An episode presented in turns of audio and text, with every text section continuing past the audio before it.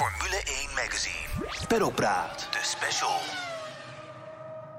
Hallo en fijn dat je luistert naar Paddock Praat, de podcast van Formule 1 Magazine. Mijn naam is Daan de Geus en dit is een Paddock Praat special, een drieluik over de 24 uur van Daytona met drie speciale gasten. Zo spreken we met tweevoudig Daytona-winnaar Renger van der Zanden, Rinus van Kalmthout, die voor de tweede keer meedoet, maar eigenlijk pas voor de eerste keer echt, en Rick Winkelman, commentator bij Ziggo Sport en kenner van de Amerikaanse autosport.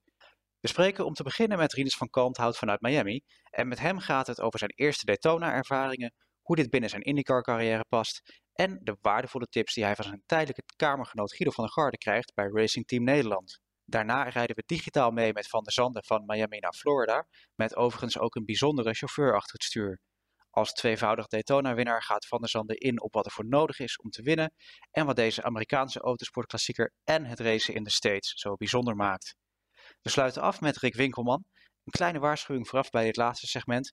Het geluid klinkt misschien wat blikkerig, maar laat dat je vooral niet afleiden van de mooie autosportverhalen die Rick vertelt en zijn passie voor de Amerikaanse racerij. De 24 uur van Daytona wordt aanstaande weekend van zaterdag 29 op zondag 30 januari gehouden. En de start is zaterdag iets na half acht avonds Nederlandse tijd. De race is te zien bij Ziggo Sport. Ziggo Sport Racing zendt de hele race uit. Kijk vooral in de gids voor de andere tijden en kanalen. Nogmaals bedankt voor het luisteren en veel plezier. Peddelpraat. Rinus, hartstikke leuk uh, dat je even meedoet aan, uh, aan onze podcast. Ja, hoe, uh, hoe bevalt het daar eigenlijk? Ja, het bevalt me goed hoor. Het is iets kouder dan, ja, dan ik toch wel had gedacht van Florida. Zeker in Daytona is het, is het goed koud. Koud frontje, maar nee, het is heel leuk. Ik heb het echt heel erg naar mijn zin. Met, met Race Team Nederland. En het is, ja, het is gewoon heel gezellig. Ik ben uh, op stad met een paar Nederlanders die ook wel goede humor hebben. Dus uh, dat is altijd leuk. Ja, jij woont natuurlijk in Florida, ook in Fort Lauderdale. Dat ligt wel een goede drie uur rijden, drieënhalf uur rijden verderop. Maar voelt het toch een beetje als een thuiswedstrijd of, uh, of niet? Ja, toch wel een beetje hoor. Het is wel, wel grappig. We zaten met het team van, van Daytona voor een paar dagen vrij onderweg naar Miami. En toen zag ik gewoon mijn appartementengebouw liggen, gewoon langs de snelweg. Dus toch wel grappig dat het zo dichtbij zit. En uh, ja, als ik nog wat extra onderbroeken nodig heb, dan, uh, dan rijden ze ook langs huis. Heb je geluksonderbroek wel ingepakt of ook niet? Ja, ja, ja, die heb ik zeker bij me. Oké. Heb je de jongens een beetje de, de streek nog moeten laten zien of, of kennen ze het al wel? Want het is voor natuurlijk ook niet, niet helemaal nieuw. Ja, ik ben echt eigenlijk helemaal niet zo heel veel in Fort Lauderdale geweest nog. Aangezien midden in het seizoen ben ik daar naartoe verhuisd. En ben ik natuurlijk heel druk geweest. En na het seizoen ben ik uh, ja, merendeels in Nederland geweest. Dus uh, ja, ik, ik moet zelf ook nog een beetje de mooie plekjes leren kennen. En uh, Race Team Nederland heeft natuurlijk al een keer in Sebring gereden en een keer in Daytona. Dus we kennen Florida wel een beetje. Ja, voor wie het even heeft gemist, je had vorig jaar natuurlijk ook uh, Daytona op je lijstje staan, uh, met Dragon Speed uh, toen. Dat liep iets anders dan, dan gepland. Kun je de mensen die, die, het, ja, die, niet, die het niet hebben meegekregen misschien even vertellen wat er toen allemaal speelde en waarom je nu zo verheugt op deze nieuwe kans met Racing Team Nederland? Ja, vorig jaar heb ik dus met Dragon Speed meegereden. ja, dat ging iets minder vlekkeloos. Eerst begon het zeg maar dat we heel last moment ja, de deal hadden kunnen maken. Uh, dat, dat die auto eigenlijk ingeschreven werd. Dus uh, ja, de planning was gewoon uh, was niet helemaal goed geregeld. Dus uiteindelijk niet heel veel kunnen rijden. Misschien een ronde of acht. En voor de race. En toen onze bronsrijder, die had een crash in het eerste uur. En toen waren we klaar. Dus ja, ik heb heel weinig meegemaakt van een 24 uur, 24 uur van Daytona. Maar uh, ja, in Nederland heeft natuurlijk ook een iets minder resultaat gehad vorig jaar met uh, die ook in de muur. Dus uh, goede les ook om, gewoon op de baan te blijven, uit de problemen te blijven. En dan kunnen we, ja, kunnen we dit jaar gewoon even alles geven. Ja, wij spreken elkaar nu dan op, op, dinsdag. Hè. We hebben net de Robber 4024 gehad, zoals ze dat noemen. Jij hebt daarin niet in die kwalificatierace gereden, maar wel in de trainingen natuurlijk. Hoe, hoe bevalt dat met die, met die auto van Racing Team Nederland? Ja, bevalt me heel goed. Uh, ik heb echt een heel goed gevoel met die auto gekregen. Ik, ja, ik heb helemaal niet zo heel veel gereden, nog 15 rondjes misschien.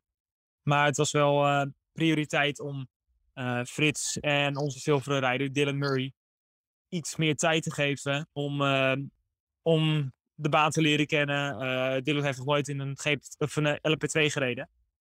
Nou, die moest even het gevoel bouwen en die heeft natuurlijk ook de, die twee hebben de sprintrace gereden, kwalificatierace. Dus voor hun ja, is dat hele goede informatie geweest. Goede conference die ze hebben opgebouwd. En aankomend weekend zal ik, ja, ik toch wel even wat meer, meer gaan rijden. En even dezelfde pitch op die zetten voordat we aan de race beginnen.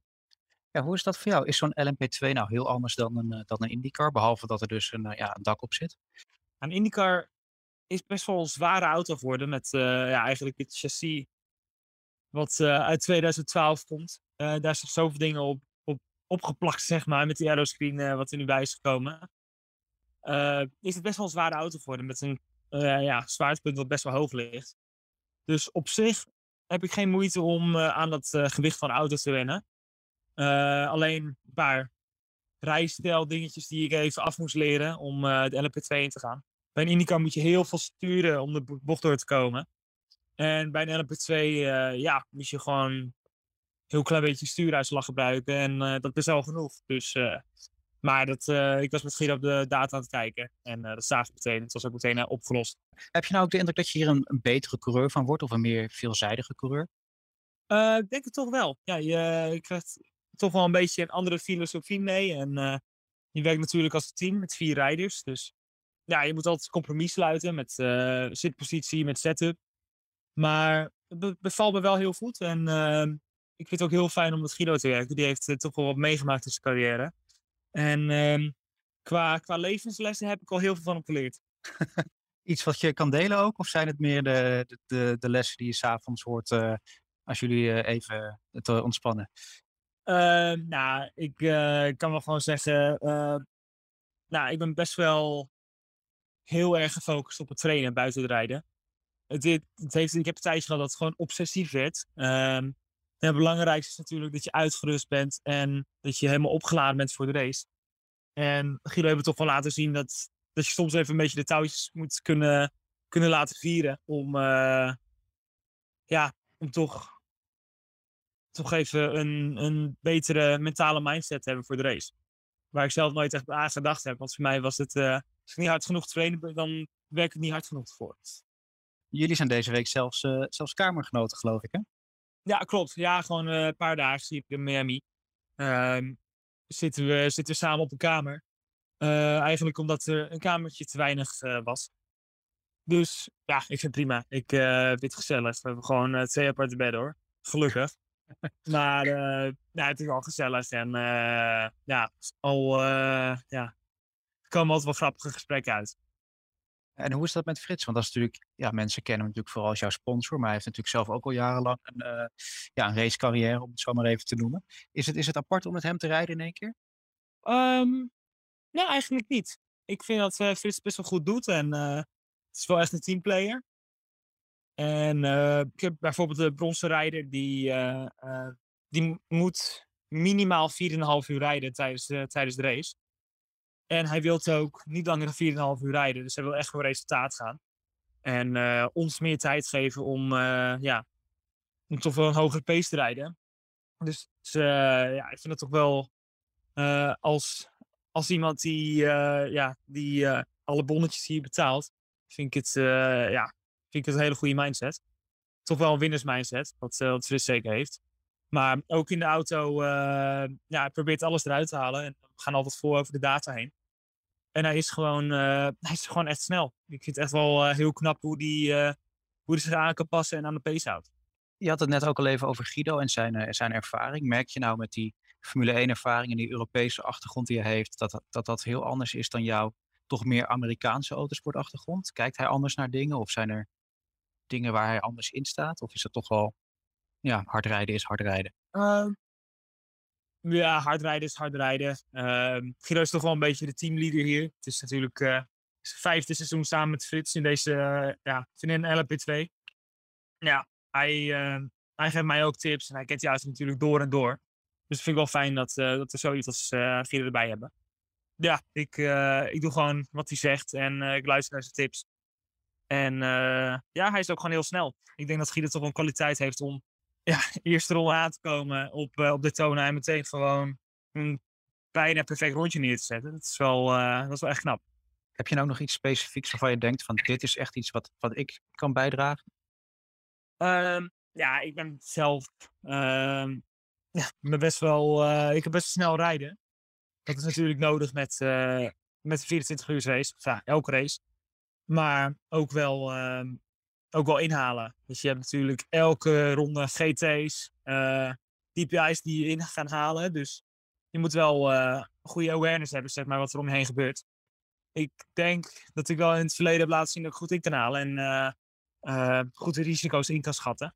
Dus ja, ik uh, denk dat, uh, dat ze daar wel veel tijd kunnen winnen om door het verkeer heen te gaan. En uh, ik denk dat je daar wel het meeste tijd op kan, op kan winnen. Op Daytona rij je natuurlijk deels op de oval en deels op het binnentrein, als ik het zo mag noemen. Heb jij dan nog wat aan jouw oval-ervaring of is dat niet te vergelijken omdat het zulke andere auto's zijn? Ja, dat is eigenlijk niet echt te vergelijken, want die banking hier is zo, zo stijl. En ja, de auto's hebben zodanig veel downforce dat je, ja, dat je gewoon makkelijk vol gas bent. Ja, het enige wat ik natuurlijk wel heb geleerd is niet onder de lijn komen op de banking. Want uh, ja, dan heb je een probleempje. Ja, wat, is eigenlijk aan Daytona zo speciaal dat jij ervoor hebt gekozen om toch dit uitstapje even uit de IndyCars uh, te maken? Wat je natuurlijk vorig jaar ook al probeerde. Er moet toch een soort aantrekkingskracht aan die race zijn dan, of niet? Zeker. Uh, het is natuurlijk ja, buiten Le Mans de grootste endurance race van de wereld ja, het is natuurlijk uh, heel mooi om hier, aan mee, te doen. Ik heb vorig jaar al mijn kans gehad. Maar nu toch, ja, toch om met Race Team Nederland rijden met, met mijn sponsor Frits. Dat, is, dat was voor mij wel de doorslag om, om ervoor te gaan. Ik wilde, ik wilde niet dat het afleidt van het IndyCar gebeuren. Maar ik weet zeker dat dit team is professioneel en ik hoef me niet veel aan te passen. Dus ehm, het is voor mij gewoon een unieke kans om mee te doen ja, gewoon het hele team bij elkaar. Dat uh, was voor mij toch echt de drijfveer om ervoor te gaan. En er is best wel wat overlap tussen het IMSA en het IndyCar-veld in zekere zin. En er zijn best wel wat van jouw IndyCar-collega's die ook dit jaar weer, weer meedoen natuurlijk aan Daytona. Ja, klopt. We doen heel veel mee. Uh, we hebben één auto in het LP2-veld van Dragon Speed, waar drie IndyCar-coureurs in zitten.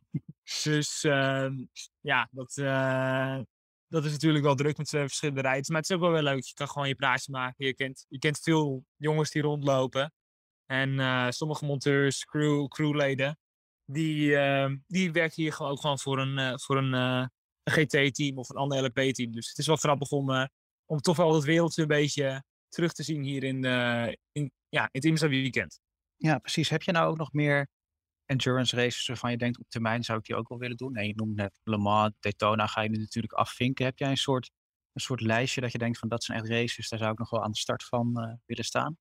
Ja, ik denk toch wel dat iedere drijver, uh, rijder, sorry ik een beetje te praten, uh, iedere rijder die, ja, die wil toch wel een keer Le Mans rijden. Ik denk dat het zelfs voor, voor elke rijder buiten, buiten de endurance, dat hij er toch wel altijd een keer van dromen. Dus als ik ooit de kans krijg om het te doen, zal ik zeker gaan. Wat zijn eigenlijk je verwachtingen voor, voor komend weekend? Jullie beginnen overal als, als dertiende, als zesde in de NMP2, als ik het goed heb. Dan sta je er volgens mij best redelijk voor, of niet? Ja, we staan er heel goed voor. wat ik net al had gezegd, Frits en, Giet, Frits en Dylan, die hebben de, sprintrace gereden. Terwijl sommige teams René Rast, Mikkel Jensen hebben laten rijden. Dus de beste rijders van, van het team.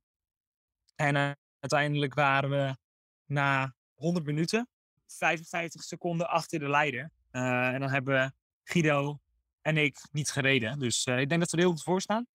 En zeker voor Dylan was het wel goed om, ja, om echt een raceervaring op te doen met de LMP2. Dus een beetje de druk van de race te ervaren. En ja, toch wel een lange, lange stint te doen zonder een rode vlag, omdat er in de training niet is gespint of zo. Dus het heeft hem heel erg geholpen. En ik weet zeker dat ik, ja, ik uh, heb zoveel races gereden, ik kom wel uit met race. En ja, Guido weet wel natuurlijk wat hij kan. Dus ik denk dat ze echt wel nou, een hele goede kans hebben. En wat in de tonen heel belangrijk is, is probleem, probleemloos blijven. Zodat je gewoon de laatste paar uur aan kan vallen. Want je kan hier ronde terugkrijgen tijdens een safety car situatie. Wat, wat ze in Europa niet doen. Dus je hebt altijd, al loop je ronde achter, je altijd kans om in de laatste uur terug te vechten. Ja, en ik denk jou een beetje kennende en je kaarten het net ook al aan. Het enige waar je denk ik niet op uh, verheugt is, uh, is de kou, hè? Nee, nee, ik ben best wel een koukleun. Vandaar dat ik ook in Florida woon. Uh, maar ja, het wordt best wel koud in Daytona. Uh, dus er schijnt dus een lijn te zijn in Florida. Dat als je boven Orlando komt, is het ook meteen echt koud. Uh, of drastisch, drastisch kouder dan bijvoorbeeld in Miami of Fort Lauderdale.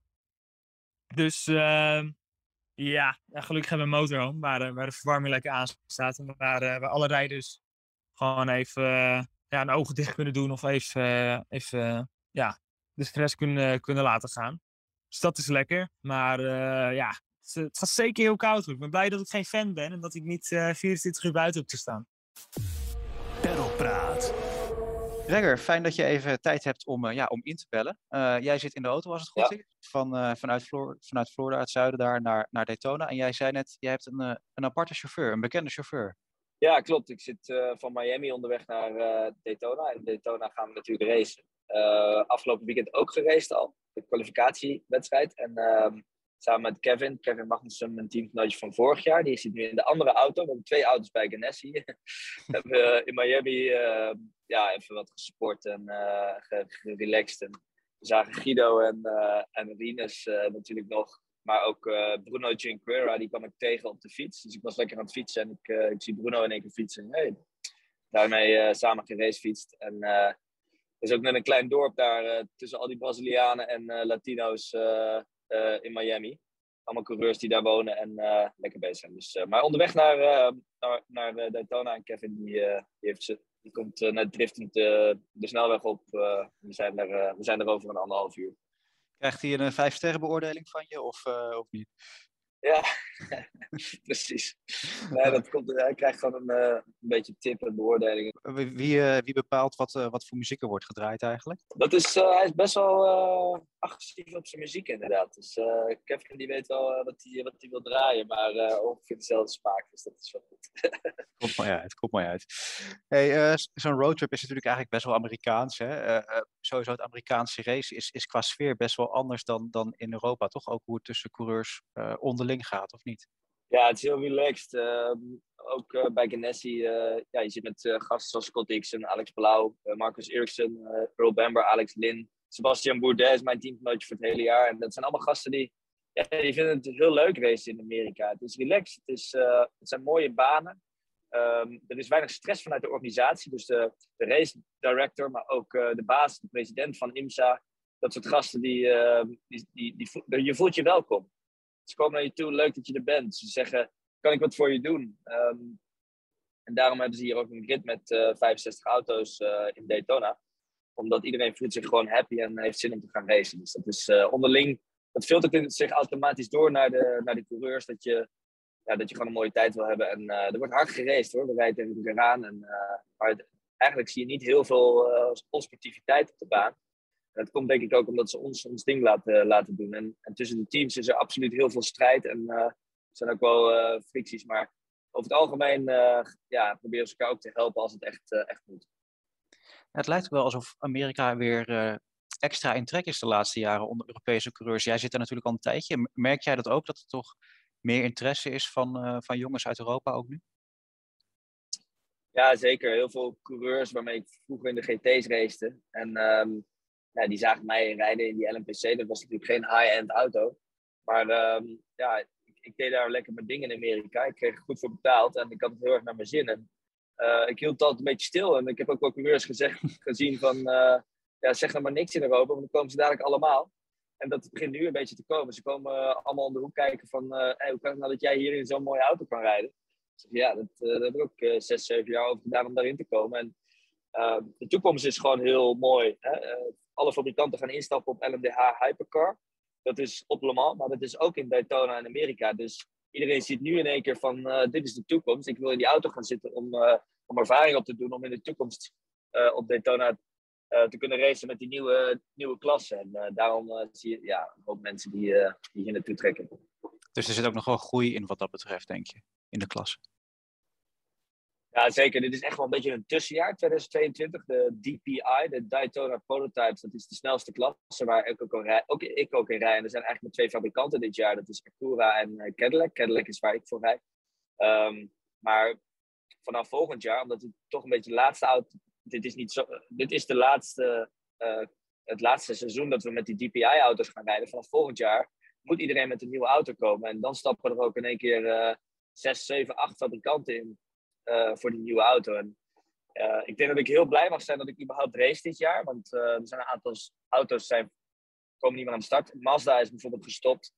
Ehm, dus er, er, stonden echt wel heel veel coureurs in de rij om mijn zitje te pakken. En um, ja, ook met het oog op de toekomst. Dus um, er, gaat, er gaat de komende vijf jaar heel veel in de endurance racen. Wordt er geïnvesteerd namens, door de fabrikanten. Gaan bij hele mooie wedstrijden komen. En uh, ik, ben, ik zit op een goede positie om daar uh, niet bij te zijn. Ik heb trouwens ook gewoon een driejarige deal bij Ganassi. Dus de komende drie jaar kunnen ze niet van me af. Ja, nou, dan zien we de komende drie jaar natuurlijk ook gewoon terug op, op Daytona. Daytona is natuurlijk ook de, de, seizoensopener van IMSA. Het is denk ik ook wel veruit de grootste race van het jaar in dat kampioenschap, toch? Ja, het begint altijd met een bang. Het is altijd gelijk de 24 uur. Lang racen, maar ook gelijk de mooiste wedstrijd van het seizoen. Daarna hebben we de 12 uur van Sebring, die is pas in maart. Dus het is ook altijd... Ik vind het eigenlijk wel fijn dat het altijd in januari is, want dan... Iedereen heeft dan zijn deal al wel rond in december. Hè? En Terwijl in Europa beginnen we vaak in maart, april. En dan heb je het eind februari, misschien in maart, heb je dan je deal pas rond om te gaan racen. Dat is in Amerika niet. Je moet, uh, je moet er vroeg bij zijn. Dus na, het, na de laatste wedstrijd in oktober van het seizoen ervoor ben je al gelijk, ja, ben je eigenlijk al vrij snel rond met je team voor het jaar daarna. En dat, uh, het. Maar het is, het is een hele grote wedstrijd, een mooie wedstrijd. Um, dit jaar wordt het ook op Ziggo uh, vol uitgezonden. Dus ook voor de Nederlanders is het super leuk om, om te gaan kijken. Uh, Rick Winkelman doet commentaar, dus uh, nou ja, die, die, kennen jullie allemaal. Um, ik heb zelf in de green room wat dingen opgenomen met onboardjes. Dus we hebben echt een beetje een, een, beetje een deal gegeven aan de promotie van het IMSA-kampioenschap. Dus ze gaan het hele seizoen uitzenden, dus dat wordt, wordt wel heel leuk. Als ik even de, de, parallel met IndyCar mag trekken, daar heb je natuurlijk de Indy 500 als, als ja, het hoofdnummer eigenlijk in een seizoen. Hè? Ja. Voor, voor, sommige teams draait alles echt om Indy. Is dat in, in IMSA nou ook zo met Daytona? Of is het wel zo dat, ja, stel je voor je hebt er een, een minder weekend, hè, dat is jammer, maar dan is het seizoen nog niet verloren. Nou, als je Daytona gewonnen hebt en je wint het kampioenschap niet, dan heb je nog steeds een heel succesvol kampioenschap uh, gehad.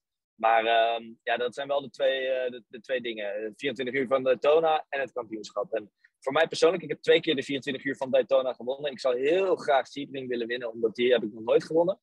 Uh, vaak tweede geworden. Dus uh, dit jaar in maart gaan we, gaan we er weer voor zitten. Vorig jaar waren we heel dichtbij. Kevin en ik reden heel goed. Uh, Scott Dixon reed ook heel goed tot en met een uurtje voor de, voor de finish. toen raakte die iemand bij het ingaan van de pitstraat. En toen was ja, verloren we de, een rondje of twee en die kregen we niet meer terug. Dus dat was jammer, want we reden telkens naar de leiding en echt 15 seconden voor. Toen het gebeurde zelfs. Dus wat dat betreft was het, was het jammer dat we hem vorig jaar niet wonnen. was echt wel een hele grote kans. Uh, dus dan moet het dit jaar maar gebeuren. Ja, en wat Daytona betreft, uh, voor wie het niet weet, jij hebt natuurlijk twee keer gewonnen, zoals je net zegt, uh, in 2019 en 2020.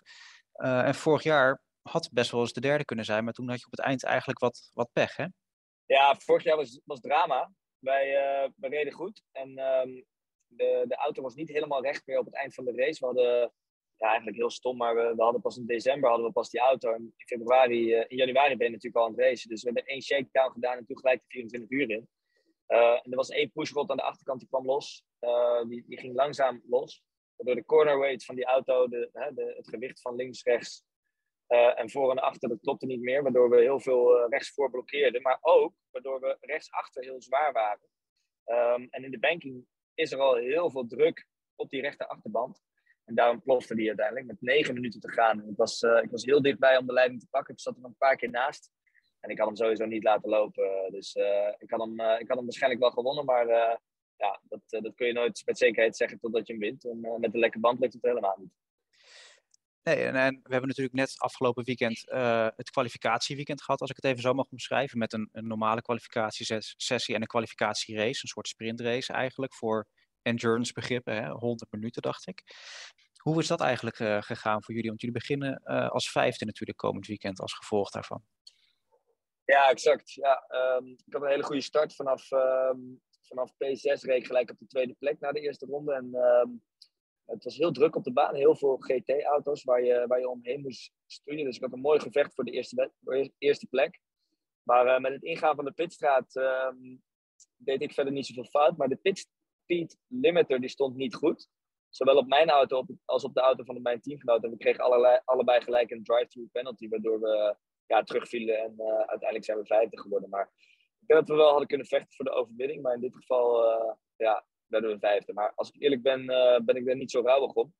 Um, dat soort kleine foutjes kun je tijdens zo'n race ontdekken.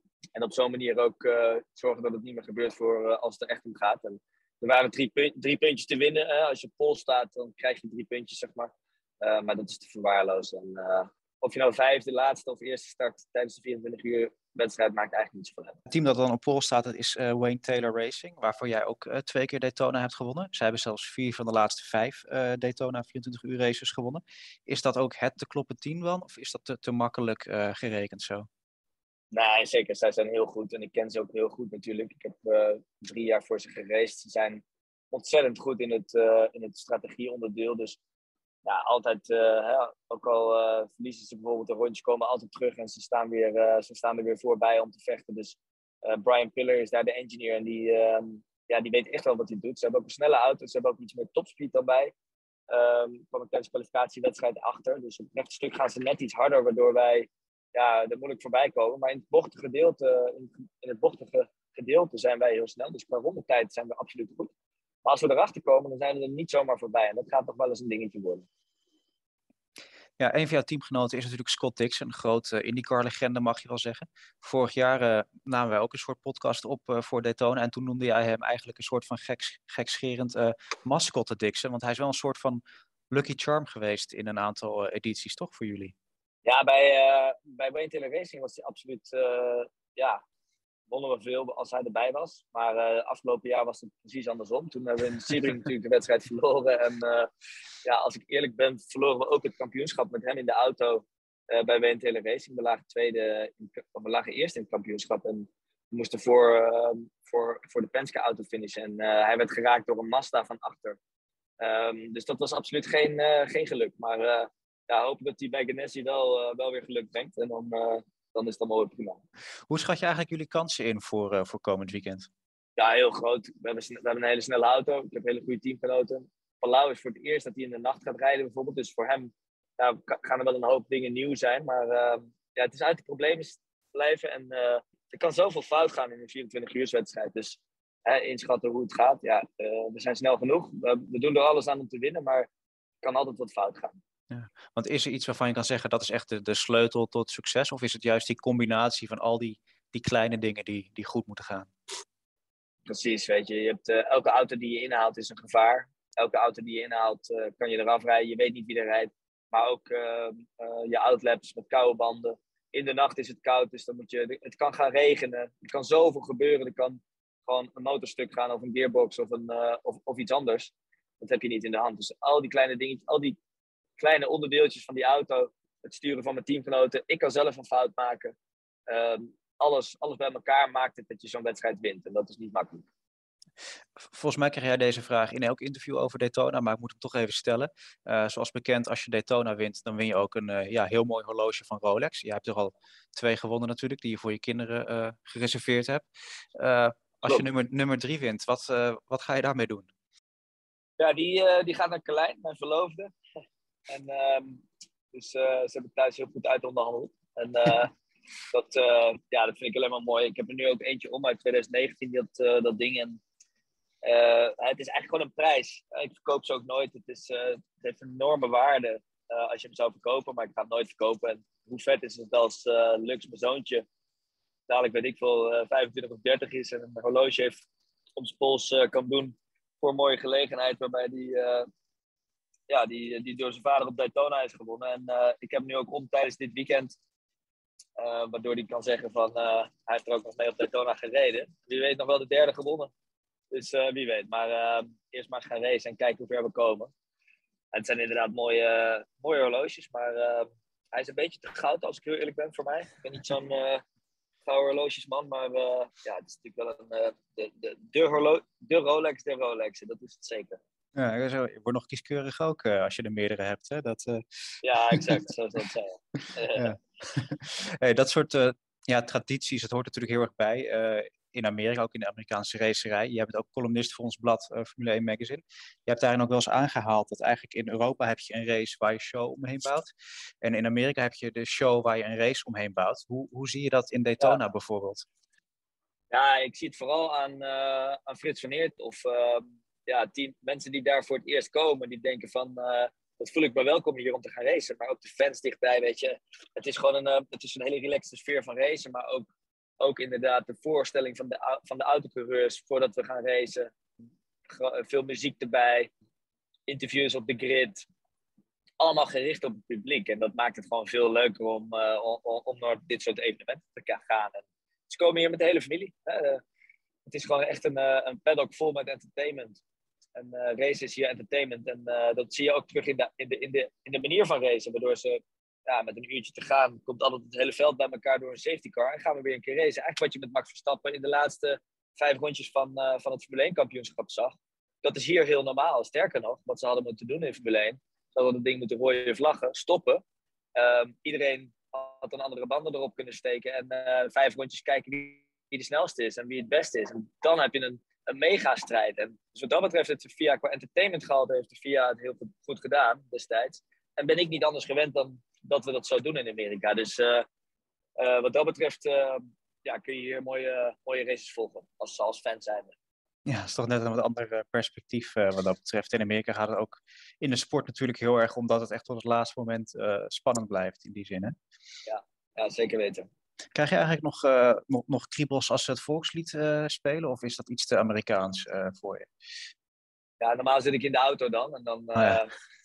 dan heb ik zoiets van, oké, even doorzingen en kunnen we beginnen. maar nou ja, het is hartstikke leuk. En weet je, start your engines en dat soort dingen. Dat zijn natuurlijk... Hè, maar ook tijdens de briefing, wat ook zo lachen is. Tijdens de briefing komt er een, een pastoor de briefingzaal binnen. En die begint te bidden met z'n allen. Dus dan iedereen zijn petje af. En thank you God, thank you race teams, thank you uh, mechanics, everyone. Uh, hope you have a safe race. En uh, um, ja, dat, dat zie je natuurlijk in Nederland ook niet. Dus dat zijn wel leuke cultuurverschilletjes die je hier meemaakt. En voor mij inmiddels, ik race hier sinds 2013, dus het, voor mij is het eigenlijk heel normaal geworden. Maar het blijft natuurlijk intrigerend als je dat voor de eerste keer meemaakt. Ja, precies. Ja, we gaan natuurlijk komend weekend weer allemaal meemaken en kunnen zien op, uh, op tv ook. Uh, wat we zeiden, hè, Daytona is natuurlijk de opener van het, uh, het IMSA-seizoen. Het is misschien een beetje koffiedik kijken, maar heb je al een prognose of een verwachting voor komend, voor komend jaar? Ja, we gaan winnen als het goed is. Kijk, die auto is snel genoeg, het team snel genoeg. Sebastian Bourdais is mijn, mijn teamgenootje voor de rest van het seizoen. Um, die is heel goed. Um, ik heb een nieuwe strategieman binnen mijn team gevonden die, uh, die dit jaar voor het eerst komt werken, maar die heel goed is. Um, alle randvoorwaarden kloppen en dan moet het nog, uh, dan moet het nog even lukken. Dus uh, we gaan zien of, dat, of we de goede dingen hebben gedaan over de winter, maar ik heb er vertrouwen Ja, laten we het hopen inderdaad. Renger, in ieder geval veel succes komend weekend en ja, succes met, met de tocht naartoe. Maar met Kevin als chauffeur moet het wel, wel goed komen, denk ik. Ja, zo is het. Zo is het. Dus nee, zeker, dankjewel. We gaan gas geven en ja, iedereen kijkt natuurlijk op Ziggo, want uh, daar, uh, daar is het live te volgen. En uh, ga ik ook zeker nog interviewtjes doorsturen naar, ehm, naar de redactie, zodat, je, dat jullie vanuit de pits eh, op de hoogte blijven. Perlpraat. Nou, Rick, hartstikke fijn uh, dat je even aan kan schuiven, uh, virtueel. Uh, of ja, virtueel op afstand. Ja, ja, ja. ja. Um, niet anders. laten we beginnen met, met, met Daytona. Het is natuurlijk toch een, een van de eye-catching races in de autosport. Um, waar staat het voor jou eigenlijk voor, die, die 24 uur race? Nou, wat je zegt, het is een van de grootste races, een van de meest historische races in, in de autosport. Uh, ja, en endurance wedstrijden, lange afstandswedstrijden vind ik persoonlijk altijd ook wel heel gaaf. Omdat het uh, ja, toch wel heel specifieke soorten wedstrijden zijn. Onvoorspelbaar is natuurlijk zeker het geval als het gaat om Amerikaanse autosport. Maar ook zo'n lange race, hebben we ook vorig jaar weer gezien. Er gebeurt altijd van alles. En dat is, uh, dat is leuk. Het is, het is voer voor fijnproevers, denk ik. Ja. Jij bent er ook wel eens uh, geweest in Daytona bij de, bij, bij de NASCAR races dan. Um, ja. Ja. Wij als, als, als Nederlanders, als Europeanen, wij, wij onderschatten misschien een beetje hoe, hoe groot dat is en wat, wat voor een racetempel dat is, of niet? Ja, het is letterlijk en figuurlijk is het groot. Ook als je aankomt rijden, uh, van tevoren weet je dat het groot is. Uh, maar dan is het nog groter dan dat je denkt. Um, dat is bijvoorbeeld in Indianapolis is dat ook. Alleen um, Indianapolis is indrukwekkend Uh, vergelijkbare lengte circuit. Het hele binnenterrein is, is vergelijkbaar misschien wel een beetje met Daytona. Indianapolis is wat, wat, wat ouder. Niet slechter, maar wat ouder. Dus als je daar aankomt rijden, dan is dat prachtig. Want je bent bij Indianapolis en daar ademt het uh, historie, daar ademt het autosportsfeer van je welste. Maar als je bij Daytona aankomt rijden, die tribunes daar in Daytona, die zijn veel nieuwer dan die van uh, Indianapolis Motor Speedway. Die zijn groter, indrukwekkender, meer luxe, ruimer, alles meer anonu.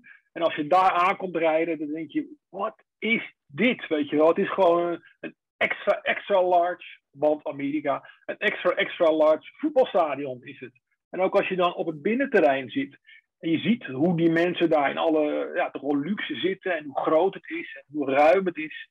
Het is echt enorm. Het is echt, uh, ja, je moet het zien om, uh, je moet het zien. Kom, kom een keer mee, uh, Daan, naar, naar het circuit van Daytona. Je weet niet wat je, wat je overkomt.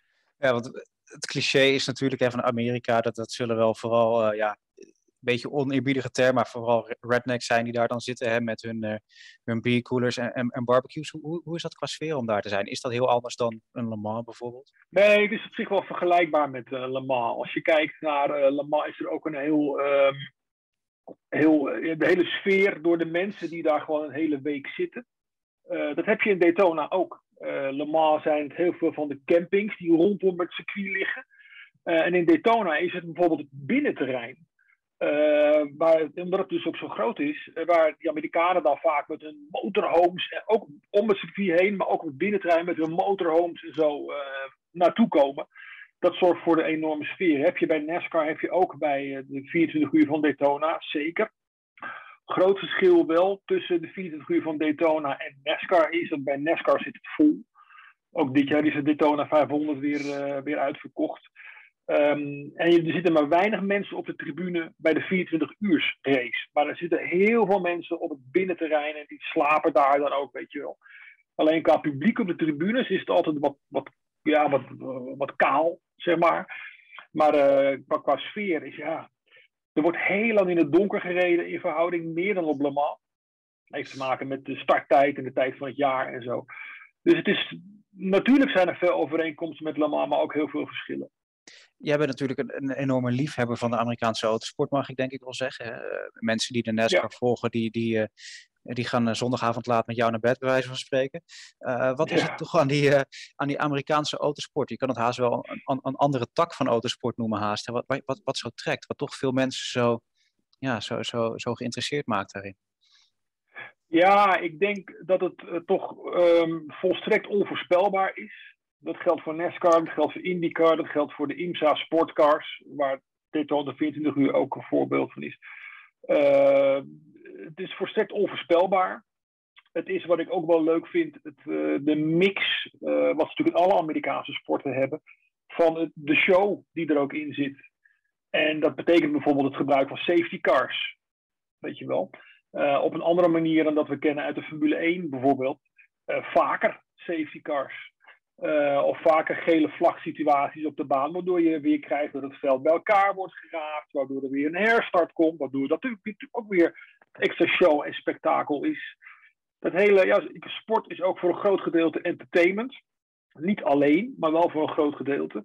En dat hebben ze in Amerika, vind ik, hebben ze dat um, ja, wat beter voor elkaar dan dat we in Europa wel eens, uh, wel eens zien bij coureurs is Amerika natuurlijk ook behoorlijk in trek. Dat is iets dat, dat zie je een beetje fluctueren door de jaren heen. Hè. De laatste jaren lijkt het weer heel populair te zijn. Je ziet jongens uit de Formule 1 de overstap maken. En Grosjean en Ericsson en Magnussen. Uh, ja. Wat denk je dat het is dat, dat die jongens trekt? Dat ze denken van nou, ik wil toch nog even dat, dat avontuur aangaan daar. Nou, toevallig weer wat, wat, wat Romain Grosjean vorige week uh, vertelde. Dat je in Amerika, ook omdat de gelijkheid tussen de auto's groter is, bijvoorbeeld heel praktisch gelijkheid tussen de auto's is groter. Er worden ook meer standaard materialen gebruikt bij de auto's als je het vergelijkt met Formule 1. Maar omdat die gelijkheid van de auto's groter is, zijn er veel meer coureurs die kunnen winnen. Dat past ook weer bij die onvoorspelbaarheid die ze graag willen hebben. Dat is wat anders bij de 24 uur van Daytona. Uh, maar als je kijkt naar IndyCar en NASCAR is dat dus wel zo. Veel meer gelijkheid tussen de auto's. Natuurlijk heb je daar ook wel de grote teams, hè, de Ganassi en Penske en zo. Um, maar ook voor een klein, coureur met een klein team kan de Indy 500 winnen. of kan een NASCAR-race winnen. En dat is wat Grosjean ook aanspreekt, wat hij ook van de week nog vertelde. Ja, als ik hier een race begin, weet ik dat ik misschien wel ga winnen.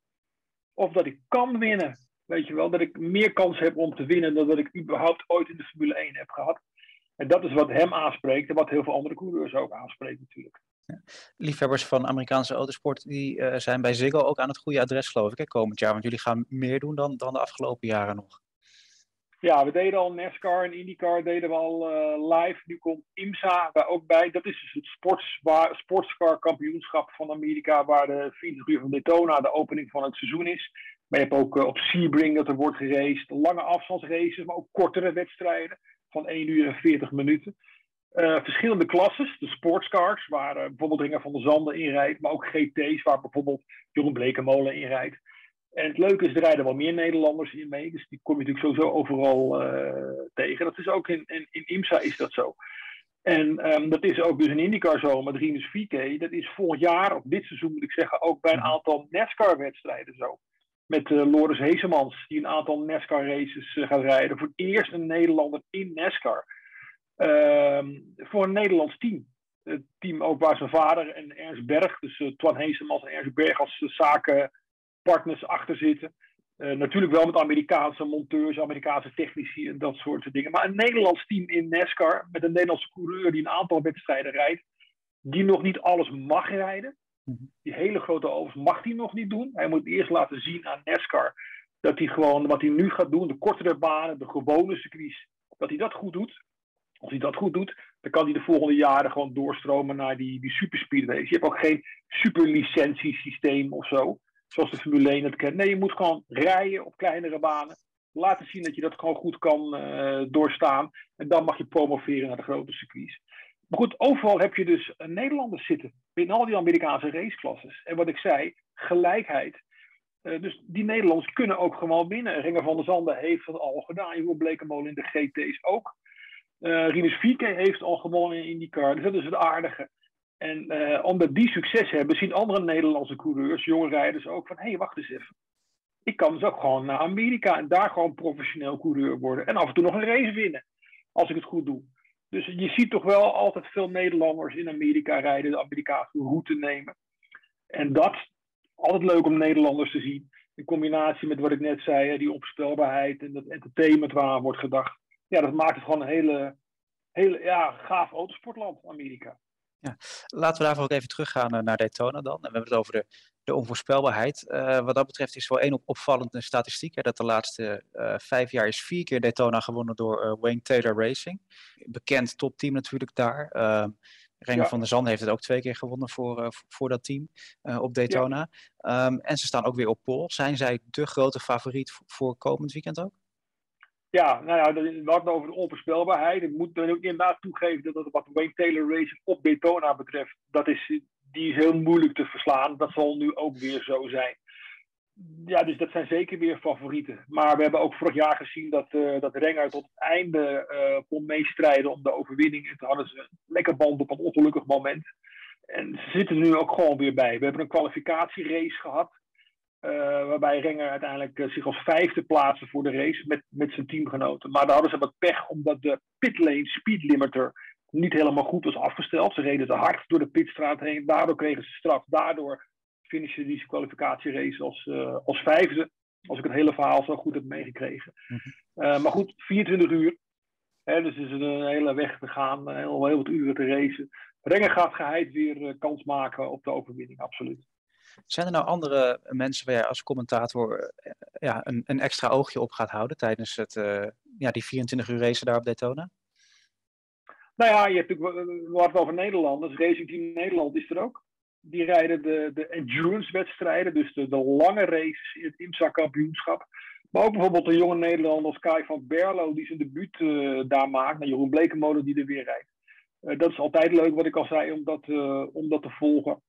En um, Nick Katsburg niet vergeten als, als fabriekscoureur in, in de Corvette. Het aardige is dat het, het zijn verschillende klassen, verschillende auto's. En allemaal hebben ze hun eigen, ja, hun eigen, hun eigen ding. Zijn er nou bepaalde dingen die jij komend weekend de kijkers nog, nog wil meegeven? Het zal voor veel mensen misschien toch een beetje een, een, ja, een wat nieuwer feestje zijn. Hè? Ja, um, nou goed, we, doen het nu voor het eerst op Ziggo Sport de hele race met, uh, met Nederlands commentaar. We hebben vorig jaar een soort experiment gedaan. God, hoe is dat nou, die Daytona 24 uur? Uh, hoe is de kwaliteit van de beelden die je krijgt? Uh, is het wat? Ik wist al uit het verleden, bij Motors TV, zender uit het verleden, had ik al een aantal keer die race gedaan, dat het een geweldig spektakel is. Um, en toen hebben we al in het begin en het einde met Nederlands commentaar gedaan. Nu gaan we die hele race met Nederlands commentaar uh, doen. Dus ook in de nacht. Um, want ja, er gebeurt gewoon heel veel altijd. Weet je wel. Gelukkig mhm. blijft het wel droog. Um, als het regent is het toch altijd, ja, dan gaan ze achter zo'n safety car rijden. Dat is natuurlijk veel minder interessant. De voorspelling is nu dat het droog blijft. En um, ga me niet vragen wie er gaat winnen, want dat weet ik dus niet. dat is zo onvoorspelbaar. Um, nee, ja, er is gewoon heel veel om daar in de gaten te houden. niet iets specifieks waar, waar, ik mensen op kan, kan, kan wijzen. Ga gewoon lekker zitten en ga lekker kijken. Misschien nog even goed om te... Uh, Sorry. Ja, en uh, laat maar over je heen komen of je, of je het leuk vindt of niet. Ik denk dat heel veel mensen het gaaf uh, gaan vinden. We hebben ook de reacties vorig jaar gehad natuurlijk. En um, ja, ik denk dat er nog meer mensen nu dat kunnen gaan, uh, gaan volgen en gaan volgen. Misschien nog even goed om te benoemen. Je, uh, je zit niet in je eentje 24 uur in het uh, commentaarhok, toch? Er wordt ook bij jullie sprake van stints, geloof ik. Ja, ja, we doen stints van zeg maar vier uur. voor mij doet iedereen dat. ik doe zelf de eerste en de laatste uren. En nog collega's die, die de andere uren ook nog, nog pakken. En uh, wat we ook hebben afgesproken met de Nederlandse coureurs, um, dat ze als ze nieuwtjes hebben, dat ze dat ook bij ons melden. Dus wat ook vorig jaar al het geval was, uh, WhatsApp-video's en WhatsApp-berichtjes en whatever, hebben spelen ze meteen uit. Zonder dat we van tevoren even checken of ze, uh, of ze misschien talen uiten die niet geuit mag worden. Nee, we krijgen een berichtje binnen van een coureur. En bam, dat doen we gelijk, gelijk op zender. We hopen maar dat er niet te veel gescholden wordt in zo'n berichtje. Vorig jaar waren het allemaal nette jongens natuurlijk. Dus um, ja, ze, proberen ook gewoon het gewoon echt wat, wat dichterbij uh, te brengen. En dat is ook iets wat nog een verschil is tussen de, de Amerikaanse autosport en zeg maar de Europese autosport. Dat de coureurs toch uh, meer benaderbaar zijn. Misschien nog even over jouzelf. Uh, heb jij een speciale voorbereiding voor zo'n 24 uur race die je moet verslaan? Uh, ga je van tevoren extra slapen of blijf je juist wakker? Of? Pak je het gewoon aan nee, nee, nee, nou, ik denk, ik denk niet dat ik deze hele race uh, wakker blijf. Uh, ik heb wel deze race uh, vaak genoeg gedaan dat ik dat wel heb gedaan. Uh, ongezond. ja, nee, de, de voorbereiding is op, op, zich best lastig, want het zijn, ik weet niet aan mijn hoofd hoeveel auto's het zijn. Ja, zitten met z'n vieren op een auto. Normaal is het vaak wel drie coureurs op een auto, maar nu vier op een auto. En je wilt toch wel wat informatie hebben over alles en iedereen en de teams. Want je moet ook wat vertellen natuurlijk als commentator. Dus de voorbereiding is wat dat betreft wel uh, wat langer, omdat het zoveel deelnemers zijn. Dus dat is, uh, dat is het meest kenmerkend aan dit soort uh, races. Maar dat is alleen maar leuk om te doen. Om een beetje informatie te zoeken en zo, weet je wel. Rick, hartstikke bedankt voor je tijd en voor alle tekst en uitleg. En ja, laten we hopen dat het een, een mooie wedstrijd wordt. Een mooie 24 uur worden komend weekend ja, laten we lekker chauvinistisch hopen dat de Nederlanders het ook weer goed gaan doen. Dat is toch altijd stiekem wel uh, een extra bonus. Formule 1. Peddelpraat. Bedankt voor het luisteren naar deze aflevering van Paddock Praat. Wist je dat we nog veel meer Paddock Praat specials hebben? Open je favoriete podcast app en zoek op Paddock Praat en je vindt interviews met onder meer Robert Doornbos, Christian Albers, Guido van der Garde en Marcus Ericsson. Daarnaast kun je je natuurlijk ook gelijk abonneren op onze podcast Tijdens het seizoen zijn we namelijk telkens op de vrijdag van een Grand Prix weekend en de maandag na een race met een nieuwe aflevering. Wil je altijd op de hoogte zijn van het laatste nieuws? Check dan onze website formule1.nl en zoek ons onder dezelfde naam op de bekende social media. Echte fans zijn natuurlijk ook abonnee van ons blad. De laatste acties en aanbiedingen vind je eveneens op formule1.nl.